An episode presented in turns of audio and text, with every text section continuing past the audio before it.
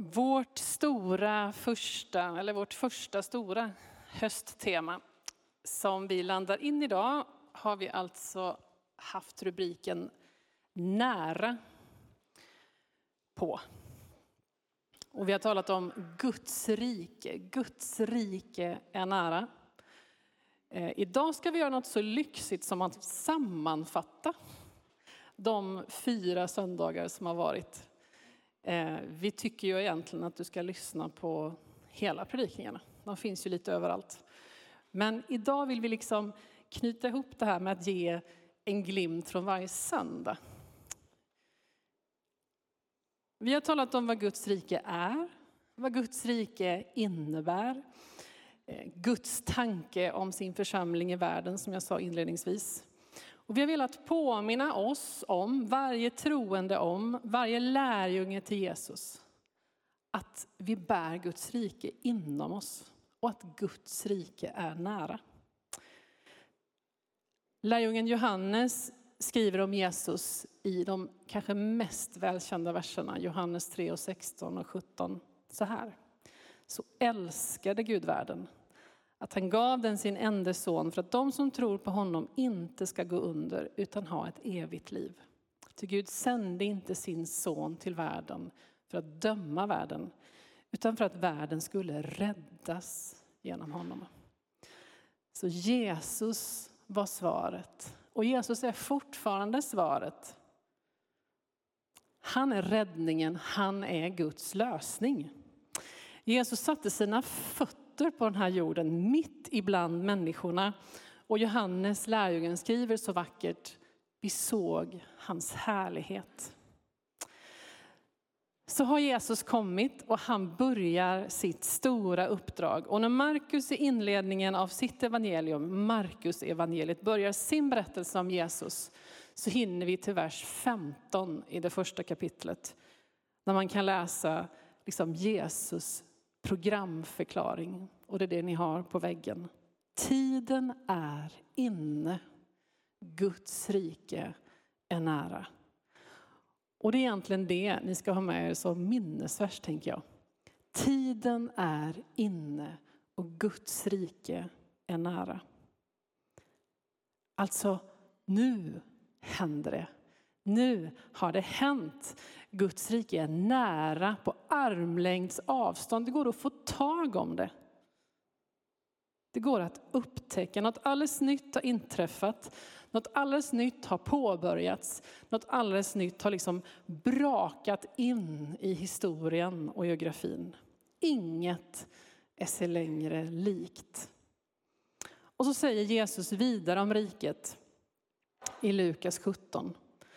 Tillfrågad av fariseerna om när Guds rike skulle komma svarade han. Guds rike kommer inte på ett sådant sätt att man kan se det med sina ögon. Ingen kan säga, här är det, eller där är det. Nej, Guds rike är inom er. Som det inte vore nog att det var nära. Guds rike är inom er. Tiden är inne. Vi bär runt på det. Vi har det med oss. Vi tar det med oss dit vi går och där vi rör oss. Vi är bärare av Guds rike. Och överallt där Guds folk, Guds församling går fram, finns, ber, gör gott, så är Guds rike där.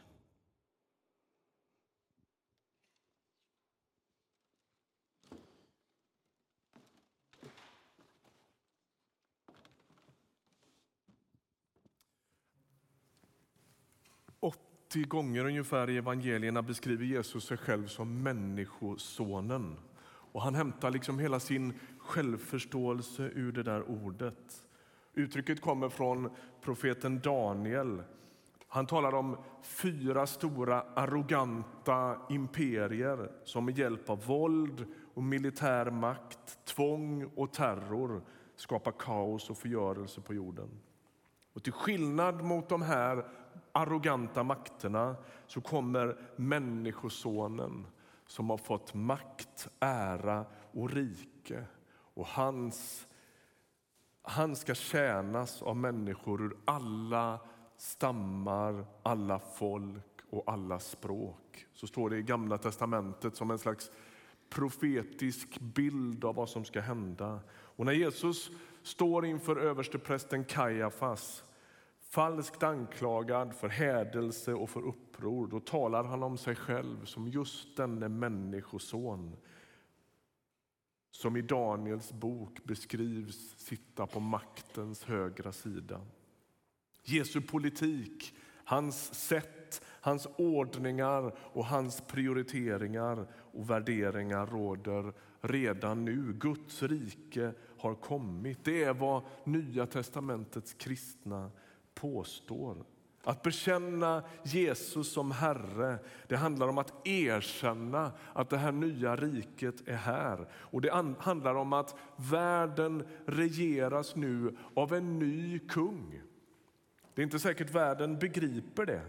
Men den som sätter sin tro till Jesus proklamerar med hela sitt liv att nu vill jag ordna mitt liv efter de nyheter och efter det rike som präglas av rättfärdighet, frid och glädje i den helige Ande. Det kan ju låta lite tungt det här att regeras av någon annan och att göra någon annan till herre över mitt liv. Ibland har vi i kyrkan beskrivit det med lite strä, liksom, rynka i pannan och det är något eh, tungt och allvarligt och strängt. Men lyssna vad Jesus själv säger om himmelriket. I Matteus evangeliet så används uttrycket himmelriket istället för Guds rike. Och då säger Jesus så här. Himmelriket är som en skatt som ligger gömd i en åker. En man hittar den och gömmer den igen och i sin glädje går han och säljer allt han äger och köper den åkern. Jag kommer aldrig att glömma när jag efter att ha funnits i en väldigt så radikal och eh, liksom, en ganska svartvit miljö där man talar om överlåtelse och efterföljelse just som det stränga så minns jag liksom hur hela jag liksom, erfor någon slags ny frihet när jag såg att det stod att det där sker i glädje. I glädje säljer man allt och går och följer Jesus. Lärjungen släpper det krampaktiga taget om sitt liv och börjar smaka den nya glädjen och den nya friheten. Människosonen har kommit, hans rike har etablerats, inte genom makt, inte genom hot och våld utan genom tjänande och död och uppståndelse.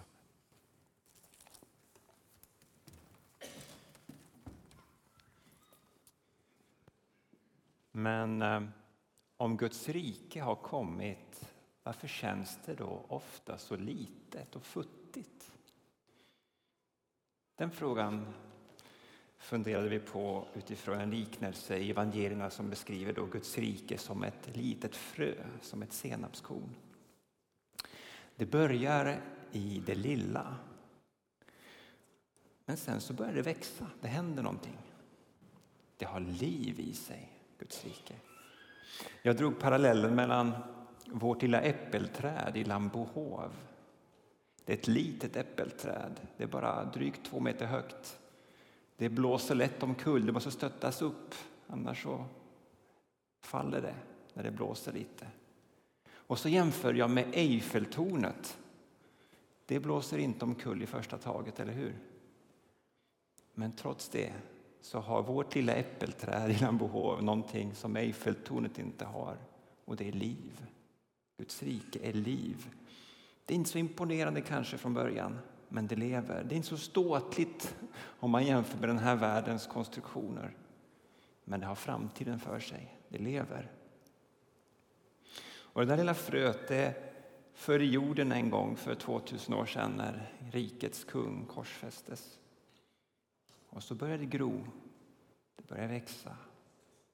Och vi kan se det för det första genom kyrkohistorien. Alltså det finns liv i Guds rike. Det händer saker över tid. Vi kan se det för det andra i vår lokala församling här, eller hur? Vår egen kraft, den är inte speciellt imponerande egentligen. Men vi får ändå vara med och genomsyra vår omgivning med Guds rikes livgivande närvaro. Och det här livet, för det tredje, det, det spirar och gror faktiskt hos var och en av oss. Man kokar ner det till varje troendes nivå, så att säga. Det kanske inte verkar så imponerande, men det finns där.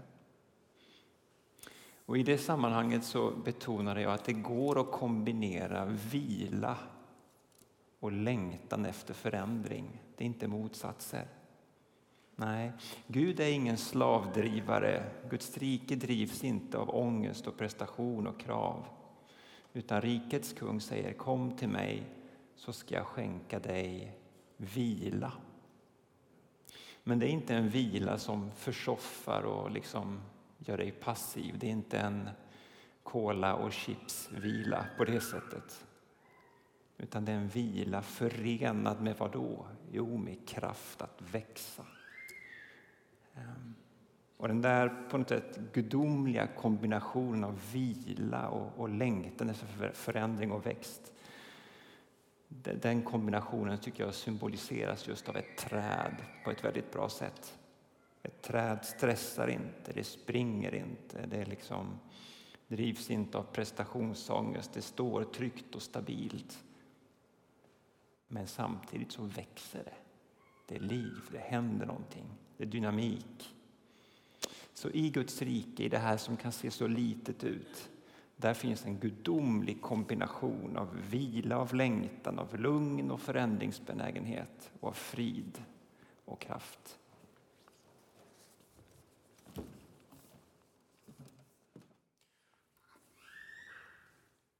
Och den där ringa begynnelsen som Emanuel pratar om, den symboliseras ju först och främst av ett kors.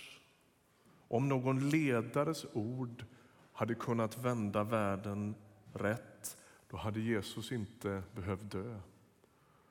Om någon mänsklig ansträngning hade löst det här, då hade frälsningshistorien sett annorlunda ut. Men den ultimata visheten den uppenbaras på ett romerskt kors och inte hos de glimrande retorikernas smarta utläggningar.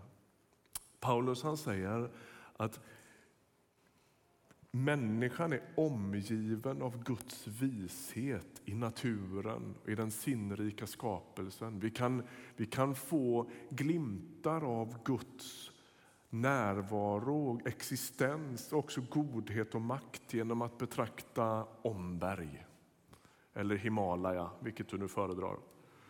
Ehm, eller Marianergraven eller, eller korallreven och så. Men Paulus säger att människan lärde inte känna Gud genom de där budskapen utan det har snarare resulterat i att människan blev kaxig och gudlös. Och så väljer Gud att istället gå baklänges. Han utmanar världens vishet och det mänskliga förnuftet och så uppenbarar han den djupaste av alla klokskaper och visheter i Jesus på ett kors.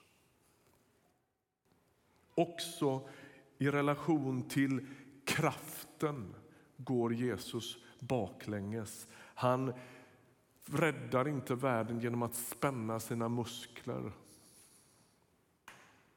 Jesu, Guds sätt att spänna sina muskler är inte genom någon slags Mr Universe-tävling utan han liksom spänner sina biceps genom att lägga ner all makt och dö.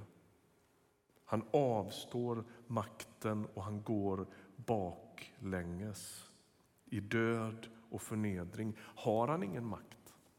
Jo, bara den som har all makt kan också lägga ner den. Och Jesus säger, jag har makt att lägga ner mitt liv och jag har makt att ta det tillbaka.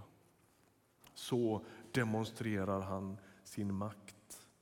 Så Paulus sammanfattar när han pratar om detta som ju har med rikets kung att göra, att Guds dårskap är visare än människorna och Guds svaghet är starkare än människorna. Han påstod i den här texten som vi läste för någon vecka sedan att Gud utmanar denna världens kloka huvuden. Varför blir det viktigt att göra det? Jo, för att tron aldrig kan reduceras till en intellektuell fråga. Vi tänker oss inte fram till Gud genom logik och smarta beräkningar. Det är inte den som är smartast, det är inte den som har bäst betyg eller som har läst flest böcker som, uppfatt, eller som uppfattar informationen bäst som kommer att räddas. Utan det är den som har erfarit kraften och kärleken och livet hos den korsfäste Jesus. Amen.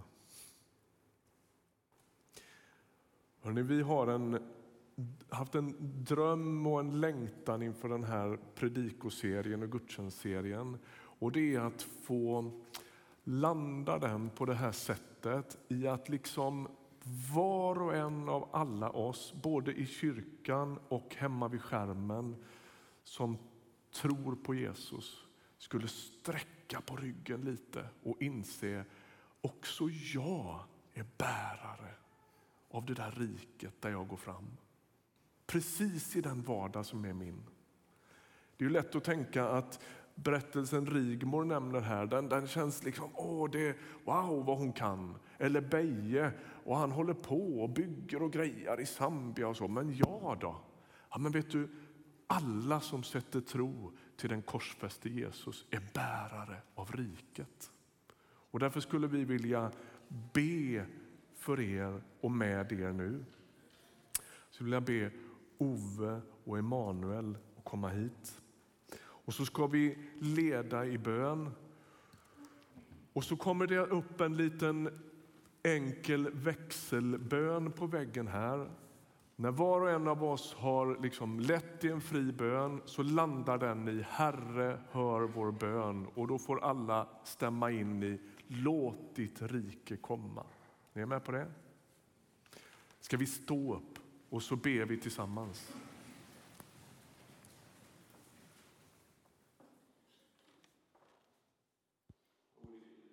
Tack för att eh, du inte är långt borta, utan du är nära. Precis som ditt rike är nära så är du, kung Jesus, nära var och en av oss den här stunden just nu. Tack för att du tar oss i handen nu och så pekar du på vår omvärld och säger nu sänder jag dig. Tack att du sänder var och en av oss ut i vår värld. Tack för att det är så. Tack för att du tar oss i handen och vandrar med oss. Ja, du, du tar oss dit du redan är. Tack för det. Gud, tack att vi får vara dina ambassadörer, att vi får på något sätt representera dig oavsett, ja, oavsett hur gamla vi är. Jag ber kanske ja, till exempel för den som går i grundskolan. Tack att du inte väntar på att vi ska bli vuxna innan du sänder oss. Utan jag ber för den som sitter här och går i grundskolan. Tack att du sänder oss var och en. Tack för att du sänder den som går på gymnasiet in i den miljön, in i den vardagen. Du sänder, du utrustar, du vandrar med oss ut i vardagen. Tack för att du sänder ut den som studerar och går på universitetet eller utbildar sig på något annat sätt. Tack att du går med oss i vardagen. Det är inte bara en transportsträcka till något annat utan det är, du finns där med oss varje dag. Tack att du är med den som på olika sätt eh, är med och är lärare eller finns i, i, i skolmiljö Tack att du sänder oss. Tack att du vandrar vid vår sida och att vi får följa dig därför, Herre, så ber vi, hör vår bön. Låt ditt rike komma.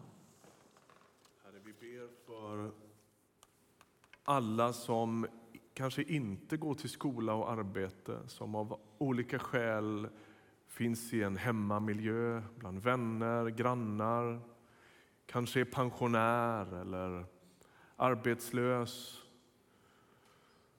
Herre, tack för att du har placerat var och en precis där man finns och att man kommer dit med dig själv, med din rättfärdighet, med din frid, med din glädje i den heliga Ande. Tack för att du har blåst ditt liv och din ande över var och en som finns i de, alla de miljöerna.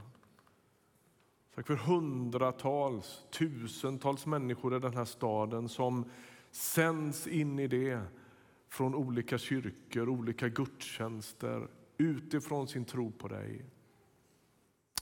Herre, vi ber att du skulle använda var och en. Herre, låt den som tänker nu har jag kanske spilt mitt bästa krut eller gjort min insats. Herre, jag ber att du skulle få kalla på nytt till att vara bärare av ditt rike.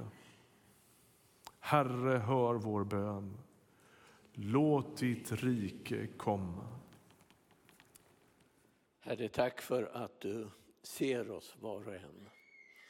Tack för att ditt ansikte lyser över oss, var och en som är i denna lokal. Var och en som sitter hemma och lyssnar via media. Tack för att du vill någonting med oss. Du vill sända oss. Det kanske inte är de stora jätteuppdragen. Det kanske är att viska någonting till en människa. Att gå ett extra steg den här kommande veckan. Att tänka innan på det där mötet jag ska ha på onsdag och då tänka att du ska vara med. Tack Herre för att vi får vända oss till dig och be dig gå med oss. Du som redan har kallat oss. Tack för att vi vill vara med den som känner sig som minst i det här rummet. Styrk den och låt dem känna att jag har ju någonting att ge också. Jag kan ju göra det där med min granne. Jag kan ju göra det där på min arbetsplats. Jag kan göra den där kärleksgärningen. Jag kanske till och med kan säga de där orden. Herre, jag ber att du ska ge oss en himmelsk kreativitet när vi går fram, när vi lever våra liv. Och jag ber att vi skulle få se exempel på möjligheter den här veckan att vara ditt rike. Att sända in ditt rike till människor. Och jag ber att vi skulle få upptäcka glimtar av längtan hos människor. För den finns ju där. Jag ber nu också, vi ber för dem som vi ska möta en kommande vecka. Människor och sammanhang, möten av olika slag som vi ska sitta i. Jag ber att du ska vara, det, vara där med din vishet, med din kraft. Ge oss det mod vi behöver. Herre, sänd oss. Sänd oss som individer, som församling. Fortsätt ditt verk i oss, Herre. Herre, hör vår bön. Låt ditt rike.